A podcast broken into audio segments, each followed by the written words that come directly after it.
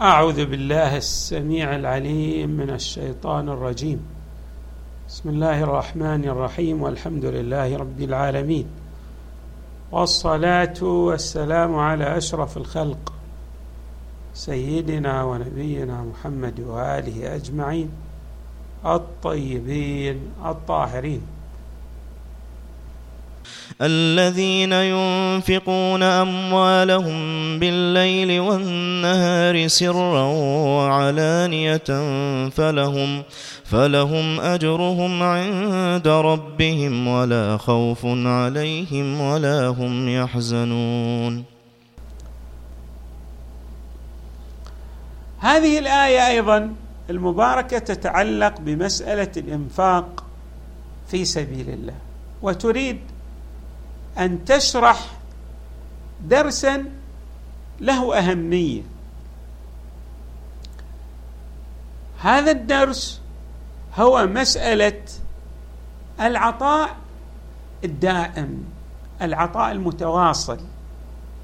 العطاء في الظروف المختلفة والتنويع في العطاء من الناحية الكيفية. ماذا نقصد بالتنويع؟ في العطاء من الناحية الكيفية. يعني أن الإنسان لا يقتصر على العطاء العلني كما أشرنا في بعض الآيات السابقة هناك إشارة بل تبيان أن تبدوا الصدقات فنعم ما هي. يعني شيء حسن. أن يتصدق الإنسان علانيه أو أن يبذل جزءا من أمواله علانيه ليحض غيره للإنفاق في سبيل الله. ولكن أيضا عليه أن يتصدق سرا. وذلك لتحقيق مبدأ الإخلاص في شخصيته. وما أمروا إلا ليعبدوا الله مخلصين له الدين حنفاء. مسألة الإخلاص في العطاء. مسألة ذات أهمية كبيرة وعظيمة والإنسان عليه أن لا يبتغي إلا وجه الله كما عبرت الآية السابقة. ينفق سرا وينفق علانية. كذلك ينفق في الأوقات المختلفة. فهو تارة ينفق ليلا وأخرى ينفق نهارا. فالآية المباركة تشير بل تبين إلى مسألة أن مسألة الإنفاق الدائم هي مسألة من الأهمية بمكان في شخصية الإنسان السوي. الإنسان الذي يريد أن يصبح عضوا فاعلا في بناء مجتمعه.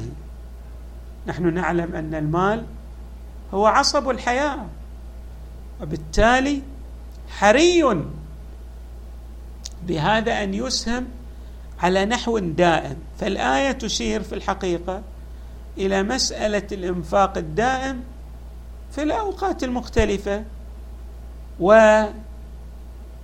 وبالكيفيات المختلفة.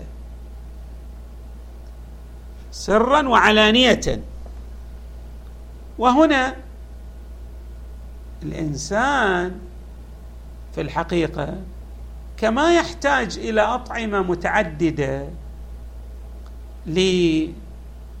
ليوازن في صحته وليسد ما يحتاجه البدن من معادن وفيتامينات وبروتينات وما إلى ذلك من الأمور التي يحتاجها الجسد كذلك يحتاج في الجانب الروحي إلى إنفاقات متعددة في أزمنة مختلفة وبكيفيات مختلفة. بعضها سرا وبعضها علاني من الواضح أيضا أن هذا الإنفاق الذي ينفقه الإنسان لا بد أن يتأمل فيه رويا ليرى أن أي نوع من أنواع الإنفاق هو الذي يناسب الحالة التي هو عليها والظرف الذي يمر به.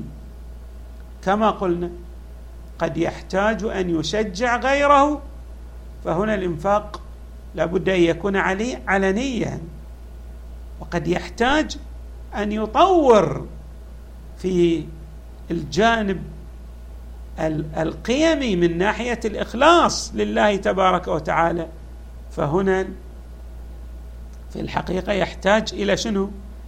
إلى إنفاق خفيه سرا أيضا ماذا؟ قد يكون اقترف بعض الذنوب في الليل فيريد أن يتلافى ما اقترفه من ذنب فيتصدق ليلا لأنه كما أشرنا أن هذه الحسنات يؤثر بعضها في أعضاد بعضها الآخر وبالتالي يستطيع أن يتلافى ما اقترفه من ذنب أو ما ألم به من سيئة.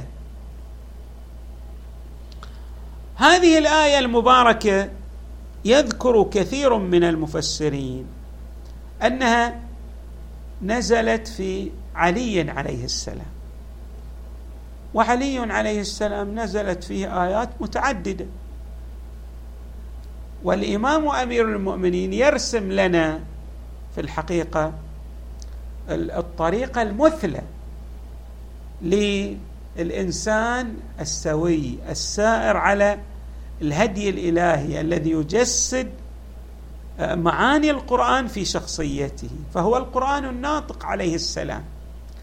فاذا الروايات التي وردت في مصادر العامة وفي مصادرنا نحن آه تبين أن عليا عليه السلام أنفق درهما ليلا ودرهما في النهار وأنفق درهما سرا ودرهما علانية فنزل قوله تعالى الذين ينفقون أموالهم بالليل والنهار سرا وعلانية فلهم أجرهم عند ربهم ولا خوف عليهم ولا هم يحزنون.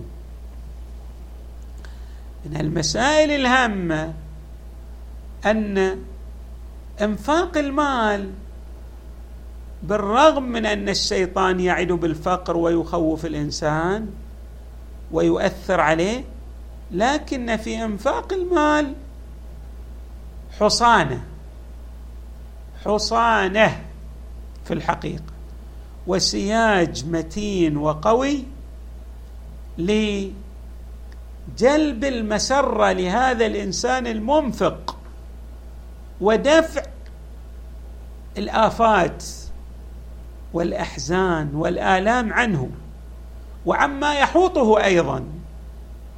ولهذا الآية تعبر ولا خوف عليهم لا يخافون من المستقبل ولا يحزنون على أنه ألم بهم نقص في أموالهم. لماذا؟ لا يخافون من التبدلات في المستقبل. لأنهم يتوكلون على الله ويرون أن الأمور بيد الله تبارك وتعالى. وقد ماذا؟ خطوا خطوات في مرضاه الله بدفع جزء من أموالهم. شكل لهم هذا أو شكلت لهم تلك الخطوات ماذا؟ حصانة. إذا أردنا أن نقرب الفكرة أشبه بالتأمين عند الله تبارك وتعالى. الإنسان كيف يقي نفسه من الحوادث ضد الغير؟ يؤمن على مركبته أو على سيارته. كذلك الإنسان بإنفاق المال لكن يؤمن عند من؟ عند الله تبارك وتعالى. ولذلك آه الله تبارك وتعالى يوضح لنا في هذه الآية المباركة على أن من أنفق أمواله في سبيل الله سيكون في أمان الله تبارك وتعالى في حصانته. هو يقيه مما قد يلم به. وقد ورد في الروايات أن الصدقة تدفع البلاء وقد أبرم ابراما ويداوى بها المريض.